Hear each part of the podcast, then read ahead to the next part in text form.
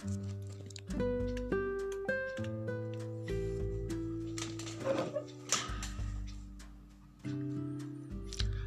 selamat malam Bapak, Ibu, Saudara-saudaraku yang dikasih oleh Tuhan.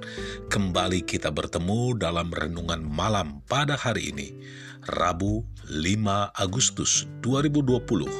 Dan tema kita pada malam hari ini, Jangan Menghakimi. Bersama saya, Pendeta Sabta Baralaska Utama Siagian. Karena dengan penghakiman yang kamu pakai untuk menghakimi, kamu akan dihakimi, dan ukuran yang kamu pakai untuk mengukur akan diukurkan kepadamu. Lukas 7 ayat yang kedua. Ibu bapak saudara-saudaraku yang dikasih oleh Tuhan, tak perlu diajari atau menempuh pendidikan formal bagi seseorang untuk melihat kelemahan, kekurangan, atau kesalahan orang lain semua orang mudah sekali melihat dosa, kesalahan, dan kekurangan orang lain, sekalipun itu kecil sekali. Sebaliknya, kekurangan, kelemahan, atau kesalahan yang ada di dalam diri sendiri, sekalipun itu besar, tak mudah dilihat, apalagi diakui. Mengapakah engkau melihat selumbar di mata saudaramu, sedangkan balok di dalam matamu tidak engkau ketahui? Lukas 7 ayat yang ketiga. Ibu bapak saudara-saudaraku yang dikasih oleh Tuhan Yesus Kristus. Ketika ada saudara seiman yang jatuh dalam dosa, ketika ada hamba Tuhan besar jatuh karena terlibat suatu skandal, kita langsung ribut memperbincangkannya seolah-olah kita ini orang yang paling suci, paling benar, dan tak pernah melakukan kesalahan ketika ada saudara yang mengalami pergumulan berat, sakit yang tak kunjung sembuh, kita langsung jadi hakim dadakan menghakiminya karena banyak dosa. Adakah orang yang luput dari kesalahan?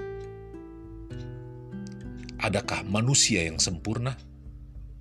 Bahkan hamba Tuhan yang besar yang sudah diurapi Tuhan, diperlengkapi dengan berbagai karunia pun tak luput dari kesalahan dan kekurangan. Karena itu, janganlah kita saling menghakimi lagi. Tetapi lebih baik kamu menganut pandangan ini. Jangan kita membuat saudara kita jatuh atau tersandung. Roma 14 ayat yang ke-13. Masih banyak ayat di Alkitab yang mengingatkan kita untuk tidak mudah menghakimi orang lain, sebab hal itu jahat di mata Tuhan. Yakobus menegaskan bahwa hanya ada satu pembuat hukum dan hakim, yaitu Dia yang berkuasa menyelamatkan dan membinasakan. Tetapi siapakah engkau sehingga engkau mau menghakimi sesamamu manusia? Yakobus 4 ayat yang ke-12